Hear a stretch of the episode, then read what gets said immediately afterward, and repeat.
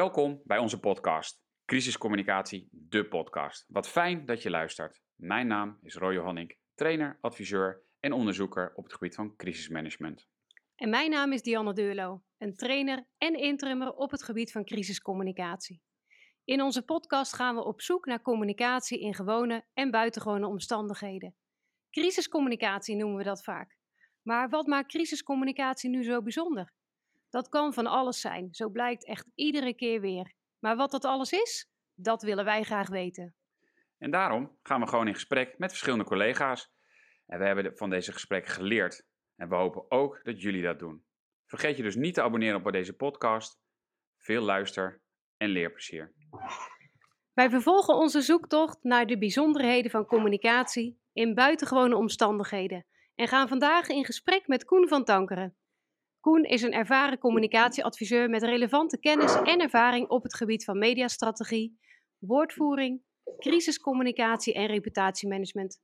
Hij is al meer dan 15 jaar zelfstandige en werkte onder andere als interimadviseur en woordvoerder voor de parlementaire ondervragingscommissie kinderopvangtoeslag en nu als woordvoerder van de korpsleiding politie. Daarnaast is Koen een van de oprichters van coöperatie De Crisisexperts. Koen, welkom in deze podcast. Dankjewel, leuk om dat te zijn. Ja, we zijn blij met jou als gast. Uh, ervaring uh, uh, stroomt uit, jou, uit jouw cv volgens mij. Um, en wat we zien is dat je heel veel um, ja, klussen hebt gedaan en doet als woordvoerder. En waar ik zelf heel benieuwd naar ben, is um, ja, hoe dat is om als een externe woordvoerder te zijn namens een organisatie. Ja, voor mij is dat niet vreemd. Um, omdat ik het natuurlijk regelmatig doe en um, uh, ook al jarenlang. Uh, ik betrap mezelf er vaak op dat ik uh, binnen een paar dagen al praat over we als ik ergens zit. En er is natuurlijk wel verschil of jij um, woordvoerder bent in een organisatie zoals ik nu namens de korpsleiding van, de politie, van Politie Nederland praat en weet dat ik hier zeker een groot aantal maanden zal zitten.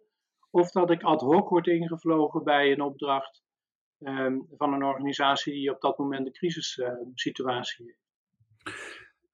En, en wat om daar opvullend, maar dat, hoe doe je dat dan? Want je komt binnen bij een crisis en je moet de organisatie vertegenwoordigen. Dat lijkt me best wel ingewikkeld.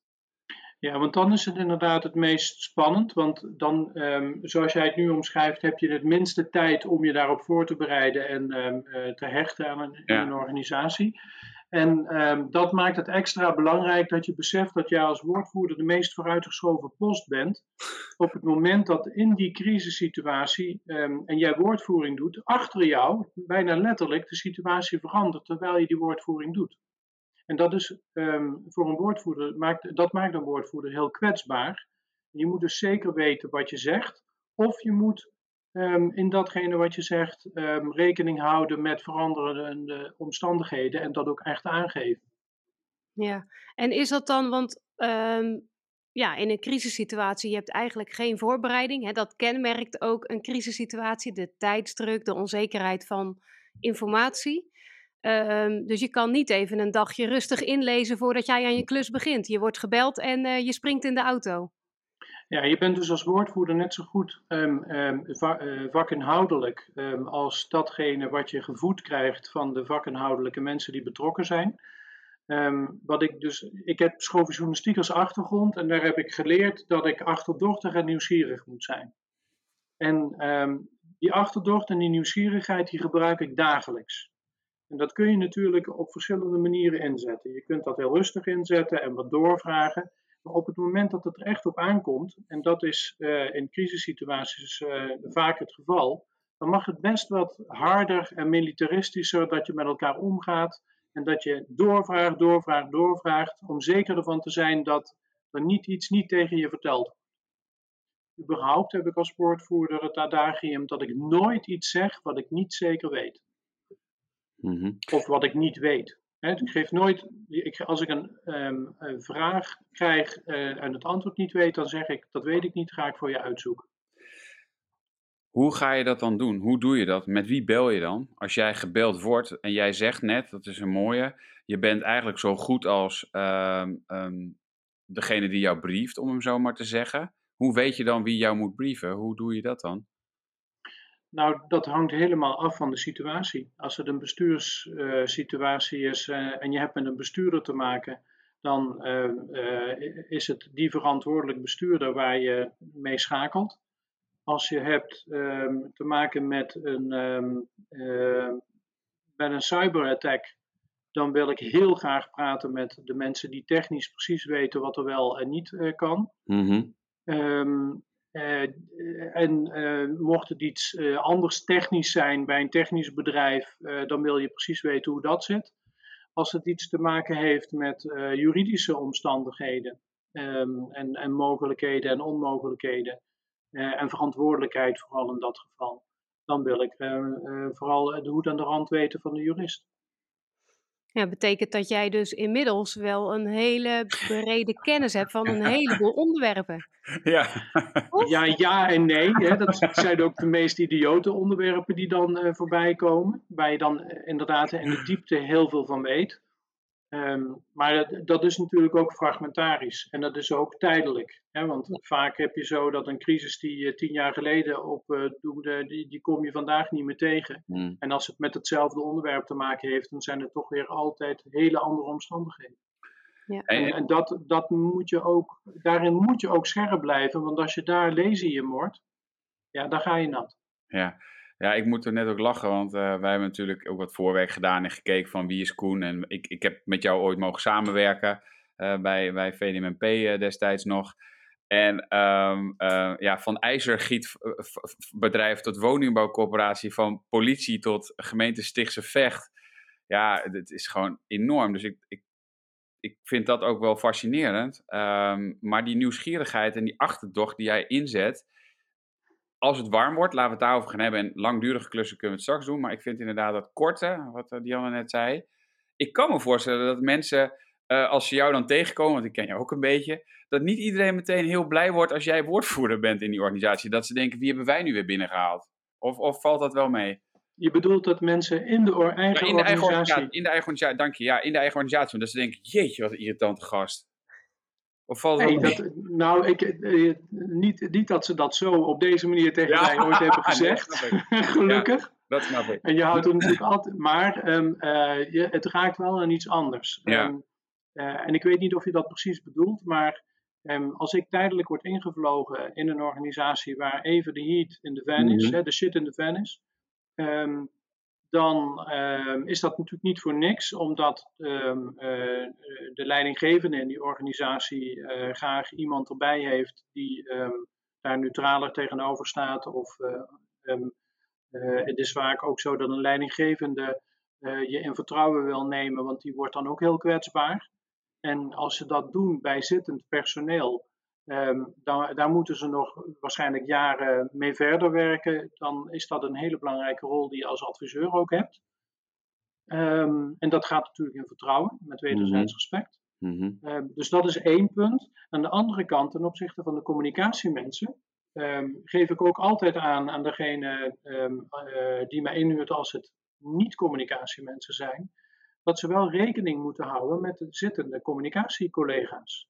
Uh, ik wil niet de, de zeemeeuw zijn die krijzend komt aanvliegen, uh, de boel onderscheidt en dan vervolgens weer krijzend wegvliegt. Mm -hmm. En uh, dat het zittend personeel met gebakken peren zit. Ik probeer altijd door te denken en mee met de collega's te, te doordenken. Van wat doe ik en wat doen jullie en wat gaat er straks gebeuren en hoe pakken jullie dat dan weer verder op? Hoe kan ja. ik jullie helpen? Ja. Ja, want er komt ook een moment dat jij weer weggaat, hè, waarschijnlijk. En uh, dan ja. moeten ze het ook weer zelf doen. Ja. En soms is dat binnen een paar dagen en, en uh, meestal binnen een paar weken. Mm -hmm. ja. Hè, dan appt zo'n situatie weg. Maar toch kan ik me voorstellen, uh, om daar nog op door te gaan, dat er situaties zijn waarbij dan de zittende collega's, en dat kan communicatie zijn, maar ook in de operatie, denken, ja, Koen is wel heel achterdocht. En je gebruikt ook zelf het woord achterdocht en nieuwsgierig. Nieuwsgierig is goed. Maar het is ook op een gegeven moment denken van, nou, je stelt wel heel veel vragen, uh, Koen. Heb je dat nodig voor je woordvoering? Zo misschien. Nou, ik heb dat wel eens meegemaakt dat ze tegen mij achteraf zeiden van, goh, uh, wat vroeg je enorm door, maar dat ja. er wel waardering kwam voor, okay. maar wat kreeg je allemaal boven water? Oké, okay, En als je dat niet had gedaan, ik heb niet de ervaring dat het negatief wordt benaderd, ook ja, niet ja. achteraf. Maar dat er wel iets van verbazing in zat in het begin. En dat, maar weet je, dat ligt er ook niet dicht bovenop. Hè? Op het moment dat ik jou een vraag stel en je geeft me gewoon antwoord, heb ik mijn antwoord. Ja, ja, Op het moment dat ik voel dat je iets achter de hand houdt, en dat is denk ik wel ervaring. Hè, weten dat mensen, ehm, zeker ook in het politieke, ehm, en, en bij bedrijven, grote bedrijven heb je natuurlijk ook veel politiek, Mhm. dat ze een dubbele agenda hebben of een driedubbele agenda. Dan wil je wel even weten wat er nog achter zit. Hoe, maar hoe bouw je dan die relatie op? Want dat- je hebt, dit gaat over relatie. Hoe bouw je in zo'n hele korte tijd een relatie op? Je, je zit nou ja, behoorlijk lang in het vak. Heb je tips eh, voor ons op dat gebied? Van hoe bouw je in zo'n korte tijd een relatie op dan? Waar begin je? Nou, dat doe ik eigenlijk niet. Dat is Oh. ehm, binnen. Nee, maar weet je, eh, eh, dat, dat, zeker zoals jij het nu schetst, dan Ja. kom je binnen en dan praat je even met iemand eh, maar met wie je moet werken. Hè, met die leidinggevende of degene die jou de opdracht geeft, of beide. Ehm, en dan eh, is er een klik of die is er niet. Mhm. En ehm, als ik al een onderbuikgevoel heb dat dit mij niet past, dan geef ik dat ook aan. En ik wil ook dat degene die met mij dan zou moeten werken dat ook aangeeft. Ehm, en dat gaat meestal gewoon goed. En dan begint de fase van hè, het eerste binnenkomen, begint de fase van het opbouwen. Mhm. En dat is wederzijds respect in de manier waarop je vragen stelt. Ehm, op het moment dat je merkt dat bijvoorbeeld een leidinggevende ehm, eh, moeilijk zit eh, in een situatie met een MT of een ander eh, gremium, dan kun je ook zorgen dat je één op één ehm, iemand vraagt hoe, hoe de vork en de stil zitten, waar je rekening mee moet houden. En dat is met respect. En ehm, als, ook even een simpel ding. Stel nou dat ik iemand begeleid die zelf de woordvoering doet. Hè? Dus ehm, een van de leidinggevenden of politiek verantwoordelijk of verantwoordelijk binnen een bedrijf. eh, die zelf eh, de woordvoering doet en ik begeleid dat. Ehm, dan, en ik zie bijvoorbeeld dat hij voor camera moet en dat hij niet goed gekleed is. Dat ga ik niet dan bij een publiek tegen hem zeggen. Of tegen haar. Hè, dan eh, zeg ik dat één op één. Mhm. Hè, zodat je iemand niet in discrediet brengt. Dat, dat zijn van die kleine dingetjes die erbij horen om dat vertrouwen te winnen en te laten zien: ik heb respect voor jou en dan krijg je vanzelf het respect. Ja. Ja. Ik zou nog even ehm, eh, terug willen naar de vragen die jij stelt. Hè. Je zegt dat doorvragen. Ehm, is er dan een, een set met vragen die jij altijd gebruikt? De wie, wat, waar, wanneer, waarom, hoe? Of ehm, Ja. is dat altijd anders? Nee, dat, het is altijd anders, maar ehm, eh, de vuistregel is natuurlijk de vijf weetjes en hoe. Ja, dat is ook in de schooljournalistiek eh erin geramd en daar heb ik dagelijks plezier van. Ja, dus eigenlijk die checklist. basis, eh, ja, die gebruik je dan toch. En tuurlijk pas je het aan, maar er is een basis, er is een rode draad Ja, die je altijd gebruikt. ja. Ja. Maar het kan dan wel een combinatie zijn. Hè? Als je eh, nieuwsgierig bent en achterdochtig, dan kun je wel eh, de combinatie van hoe en waarom dan hoe. En, ehm, eh, dus dat kan toch wel diep doorgaan, ja. Ja, nou wij merken zelf, eh, ehm, wij zeggen wel eens in trainingen, ehm, ja, je moet bijna vijf keer waarom vragen om uiteindelijk er echt achter te komen wat, wat mensen bijvoorbeeld willen bereiken met hun communicatie. Of, en we hebben dat soms ook echt toegepast en dan, ja, dan tellen we mee en dan is het soms echt vijf keer inderdaad. Ja, en dat triggert mij op het feit dat ehm, je soms ook heel goed moet luisteren naar welk antwoord je krijgt, hè, om, om te achterhalen of er. ehm, hè, want eh, slimme woordvoerders die geven een antwoord, maar die, je moet ook vooral luisteren naar wat ze niet zeggen. Hè, dat, is, dat is hoe ik eh, niet anders meer televisie kan kijken, bijvoorbeeld, of eh, naar de radio kan luisteren. Hè, ik luister vooral naar wat ze niet zeggen. Ehm, en tegelijkertijd eh, heeft dat natuurlijk ook te maken met eh, mensen die je dan intern bevraagt van goh, eh, hoe zit het eigenlijk precies in elkaar? Vertel mij dat eens. Ja. Dus dan luister ik vooral naar wat ze niet zeggen. En dat wil ik dan nog weten. Ja, ja want heel, nu je dat zo zegt, heel af en toe krijg ik, appen we wel eens naar elkaar als er iets is op tv of zo. En dan zeg je van, doe het geluid eens uit en kijk nou eens naar diegene. Ja, ook dat. is- weet je nog, eh, met, heb je daar nog voorbeelden bij? Nee, daar heb ik geen voorbeelden bij. Dat zou ook te compromitterend zijn, denk ik, om dan echt een voorbeeld te noemen. Ja, nou, Maar ik weet hem nog wel hoor. Ik weet hem nog maar Oké. Ja, ja. Maar absoluut, dat doe ik ook nog, nou niet dagelijks, maar bijna dagelijks. hè, want ik ben een nieuwsgetter, dus ik, ik zie vaak het nieuws dubbel. ehm, en dan zet ik het geluid uit en dan kijk ik naar de mimiek. En je moet ook, zeker als je een beeld bent, moet je ook geloofwaardig overkomen. Als dat niet matcht met wat jij zegt, het beeld, ja, dat is, dat is ehm, eigenlijk is dat genieten. Dat is uh, vakmatig, is dat prachtig. Heb- Toch? Ja, ja, nou ja, ik vind het Ja. ook wel gênant hoor. Dus genieten, eh, misschien is dat ook dan genieten, maar eh, Ja, vakmatig is het. ja, Vakmatig, maar dat is een mooie ja. duiding, ja. Maar heb je daar Ja. zelf, eh, ben, je, ben je zelf wel eens ehm, dat je achteraf eh, eh, dacht van oei, oei, oei Koen, dat ging niet goed. Ehm, nou, ik, ik heb ehm, in mijn jonge jaren natuurlijk wel eh, eh, steeds meer geleerd. Hè? Als ik de Mhm. bagage in mijn jonge jaren had gehad die ik nu heb, ehm, eh, ja, dan, dan had ik toen wel anders gefunctioneerd. Ik denk niet dat ik hele gekke, stomme dingen heb gezegd. Maar dat je er wel eens achter komt dat je iets hebt beweerd van nou het zit zo en zo. En dat je er later achter komt van ja, maar er was nog wel wat anders aan de hand ook. Mhm. En ehm, ik ehm, ben inmiddels ook wel zover dat niet, er niet één waarheid eh, bestaat. Hè? Dat ik me realiseer dat er soms drie waarheden zijn of meer. Maar dat heeft ook te maken met perceptie van hoe mensen het opnemen. Kan je dat Hè, dus- concreet maken? Met een voorbeeld? Want je hebt, eh, is het misschien, eh, ja, je, het, een van de heftigste, nou ja, wat, dat is misschien ook een vraag die wij al hadden, Diane en, en ik, van eh, wat, zijn, wat is dan een incident wat je het meest bijblijft? En heeft dat dan te maken met verschillende percepties of met verschillende waarheden? Of heeft dat ergens anders mee te maken? Kort. Want je zegt, en ik zeg het ook steeds vaker, ik geloof namelijk niet eens meer in de waarheid. En jij zegt ook eigenlijk nu van soms zijn er wel drie waarheden. En dat, dat moet je mee hebben gemaakt als woordvoerder in de loop der jaren, denk ik. Ja, maar het zijn toch twee andere grootheden. Hè? Dingen die impact hebben gemaakt op jou. En Jij eens? ehm, wat ik zeg, eh, dat, dat, ehm, eh, dat drie waarheden zijn of meerdere. Dat is allemaal de invalshoek en de perceptie en het zicht van verschillende mensen die kijken naar een issue. Om dan daarbij te beginnen. Ja. Ja, Begin daar- en- heb je daar een concreet voorbeeld van waar je zelf bij betrokken was? Waar je denkt, ja, weet je- het is maar hoe je kijkt. Ja, wat me dan te binnen schiet is, ik ben bijvoorbeeld woordvoerder geweest bij Tennet, de beheerder van het hoogspanningsnet in ons land. En Mhm. eh, dan ehm, zijn er wel eens stroomstoringen. En, ik, en dan moet je dat eh, eh, uitleggen als, ehm, als algemeen woordvoerder naar ehm, mensen die thuis op de bank onderuitgezakt zitten televisie te kijken. Die heb ik dan altijd voor ogen. Mhm. Hè, En die moet ik, ehm, ehm, eh, daar moet ik bij overkomen en moet ik begri- begripvol uitleggen wat er aan de hand is. En huistuin en keukentaal. Maar een technicus van eh, ehm, zo'n organisatie zegt dan tegen mij van ja, maar dat zit niet zo in elkaar, dat zeg je veel te eenvoudig. Dus daar heb je al een technische waarheid en dat Ja. het precies eh, nauwkeurig zit. Maar ook juridisch kun je soms, juristen zeggen ook altijd van ja, maar zoals jij het nu zegt, klopt het niet. Zeg ja, maar als ik het anders zeg, dan begrijpt geen hond het. Dus ehm, eh, daar ga je een middenweg zoeken. ehm, eh, zodat je niet ehm, iets verkeerd zegt, maar dat je wel de intentie overbrengt van wat je wil zeggen als organisatie.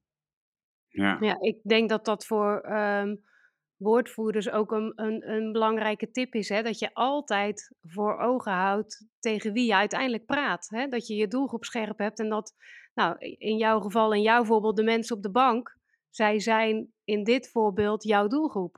Absoluut. Ja, Ja, daar Ja. moet ik de, taal, de vertaalslag voor maken. Zij moeten begrijpen, anders heeft het geen zin. En dan Nee. heb ik dus ook nog ehm, ehm, voor ogen voor welke camera ik praat. Want ik, eh, bij, de een medi- bij het ene medium is dat toch net iets anders dan bij het Mhm. andere medium.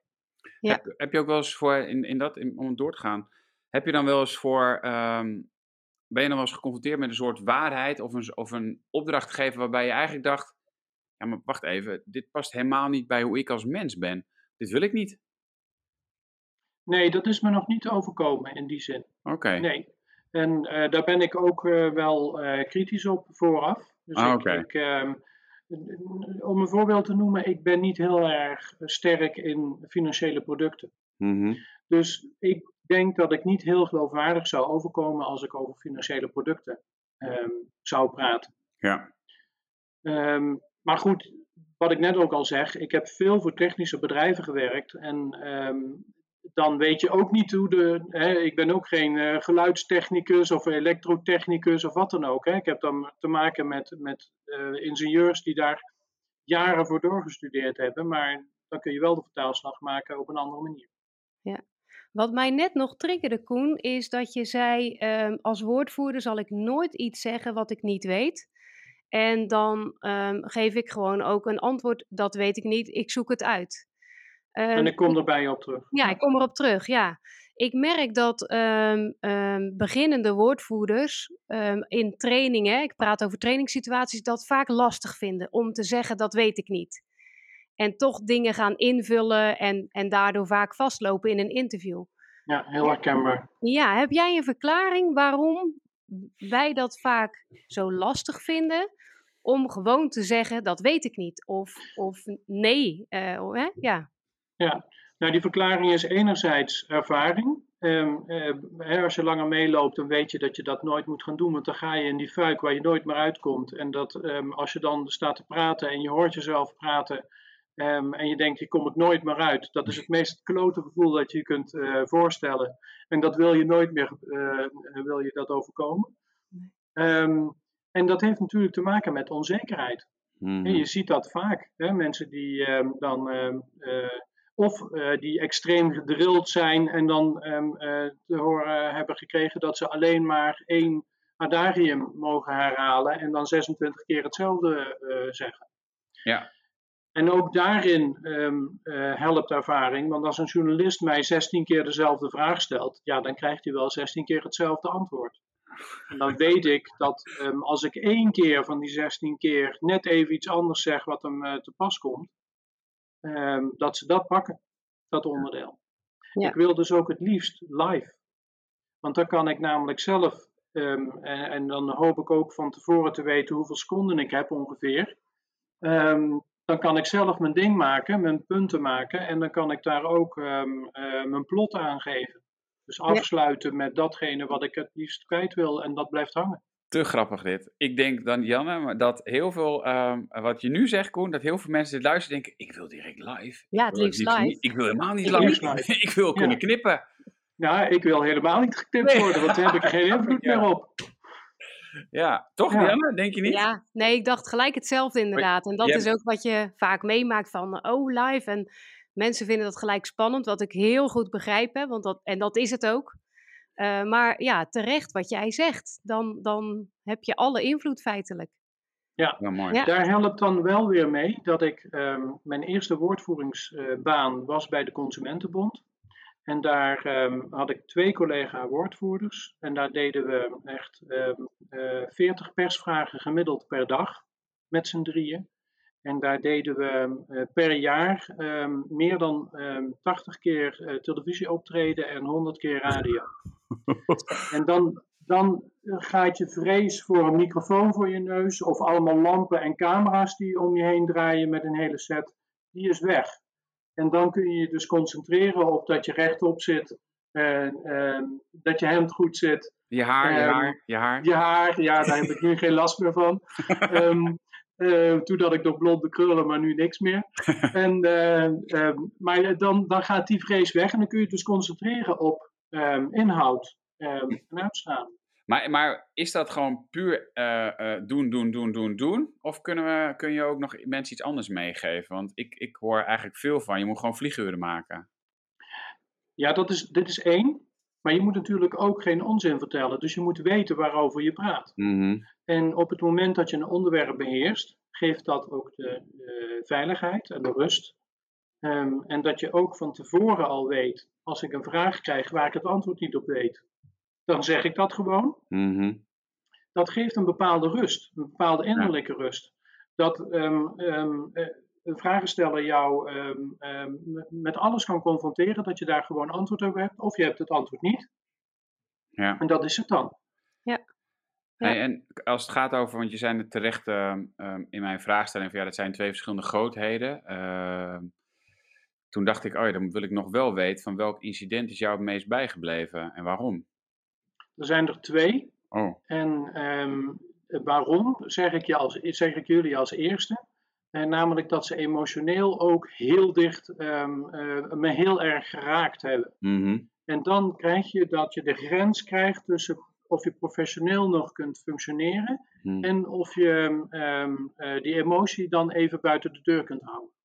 En ik geef jullie ook eerlijk mee dat nadat ik dat professioneel heb kunnen handelen, dat ik daarna wel een flink emotioneel moment heb gehad dat ik echt even stoom moest afblazen met collega's die daarbij waren. De eerste is ehm, de dood van Els Borst, Oh ja. wat eh, later eh, bleek een moord eh, te zijn. Ja. Maar ehm, ik was woordvoerder in de gemeente De Bult, eh, waar ik zelf ook woon, ehm, bij de gemeente. En ehm, ik ben dus ehm, eh, ad hoc met de burgemeester toen in conclaaf geweest om dat ehm, op te vangen en daar ook een eh, bewonersavond voor te organiseren. En natuurlijk was de politie en eh, OM was in de lead, maar de bewonersavond eh, daar in de buurt, ja, die moet je wel organiseren. En de emoties waren heel hoog, hè? Wat, wat gebeurt ons nu in onze buurt? Mhm.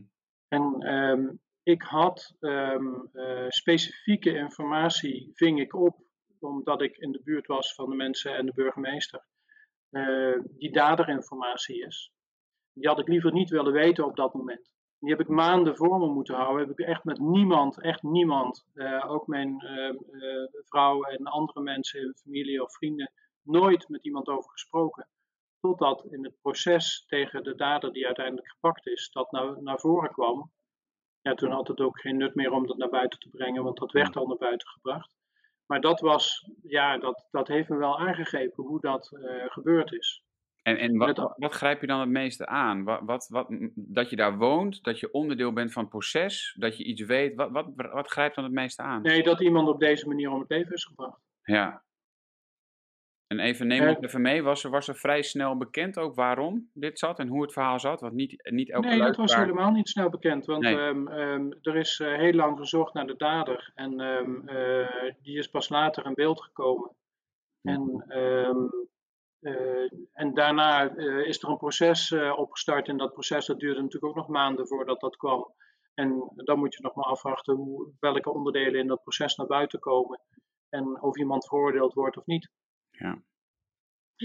En het andere voorbeeld is dat ehm, ik ad hoc werd gebeld. Ik was woordvoerder in Stichtse Vecht. Jij noemde Stichtse Vecht ook al even. En daar was ik woordvoerder burgemeester. Die opdracht die duurde volgens mij een stuk eh, negen maanden of zo. En ik was daar net weg. En toen ehm, was de Syrië-crisis. Dat mensen uit Syrië hals over kop hier naartoe werden gehaald ehm, om opgevangen te worden. Die werden eh, letterlijk weggeschoten uit hun land. En toen werden de gymzalen ehm, ingericht ehm, in allerlei gemeenten, waaronder in eh Stichtse Vecht, eh, waar die Syrië, Syrische mensen werden ondergebracht. En toen ik, ehm, daar ben ik gevraagd om de coördinatie van het crisiscommunicatie te doen eh, in de gemeente, dus ad hoc eh, binnengevlogen en meteen gedaan. Dus echt gebeld en een half uur later daar. En eh, de volgende dag zou die Syriërs aankomen, dus alles moest in orde gemaakt worden in de sporthal en ga zo maar door. En het moment dat de eerste twee bussen aankomen rijden en daar eh, Syrische gezinnen uitstappen met eh, kinderen die helemaal eh, verwilderde ogen hebben en mensen de- met de tranen in de ogen, ja, dat grijpt je enorm aan op menselijk vlak. Ehm, ja, dat zijn eh, dingen die ik nooit meer vergeet. Nee. Nee. Is het dan zo dat als dat zo bij je binnenkomt, ehm, het klinkt misschien raar wat ik nu ga zeggen hoor, maar dat dat er tegelijkertijd ook wel voor zorgt dat je als woordvoerder wel goed je werk kunt doen, want dat je eigenlijk dat voelt en dat je dus heel goed kan aansluiten bij wat er leeft en speelt, mits je dat kunt reguleren voor jezelf, hè, dat het niet de overhand neemt. Ja, want kijk, in die rol als, ehm, eh, was ik niet direct woordvoerder, maar coördinator eh, van eh, de crisiscommunicatie voor de gemeente. En was de woordvoering vooral neergelegd bij de wethouder en de burgemeester. Ehm, en ehm, die waren heel ervaren. Ehm, eh, dus wat dat betreft kun je hun dan begeleiden in wat er wel en niet gezegd moet worden. En moet je je gewoon concentreren op de facilitaire ondersteuning die daar gegeven wordt aan die gezinnen die daar komen. Maar weet je, dit ging niemand in de koude kleren zitten. Dus Nee. de hele, het hele team dat daaromheen stond, iedereen die dat zag gebeuren, dat tafereel van die mensen die uit die bussen kwamen, ja, dan, dan hè, tot, nu, tot dat moment praat je erover als van oké, we gaan ze onderbrengen, noem maar op. Maar dan wordt het vlees en bloed.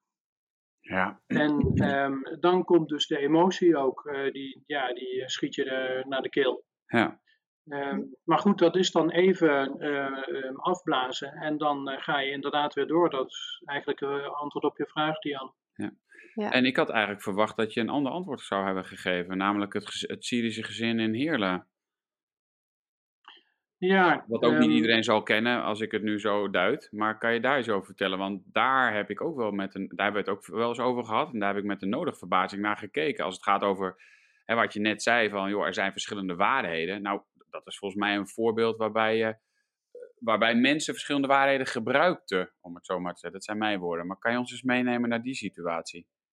Ja, dit is een vrij recent voorbeeld, want het speelde eh, medio december eh, vorig jaar. Ja, Ehm, werd in het nieuws bekend als brandbom bij Syrisch gezin. Ehm, eh, en dat werd zo bekend omdat ehm, het Dagblad de Limburger het zo kopte en andere media het overnamen. En het speelde inderdaad in Hoensbroek, in Heerlen, in Zuid-Limburg. En ik ben, dat is wel even belangrijk, ehm, daar ingehuurd door de woningcorporatie ehm, waar ik al langere tijd voor werk. Ehm, en eh, de woningcorporatie eh, die, eh, heeft natuurlijk de huizen waar de mensen wonen. Syrisch gezin woont in één huis en daarnaast wonen natuurlijk andere mensen. En daar was wat rommeles onderling tussen de mensen en de straat. En er is op een gegeven moment vuurwerk gegooid in de tuin bij het Syrisch gezin. Eh, daar stond een kinderwagen gewoon geparkeerd. Dat vuurwerk is in die kinderwagen terechtgekomen. En die, heeft vlam, eh, vlam gevat. Ehm, er was geen kind in. Ehm, maar dat werd wel eh, op dat moment eh, gefilmd eh, door eh, de Syrische man. En ehm, dat is eh, toen eh, viral gegaan. Dat werd eh, door allerlei eh, partijen werd dat overgenomen.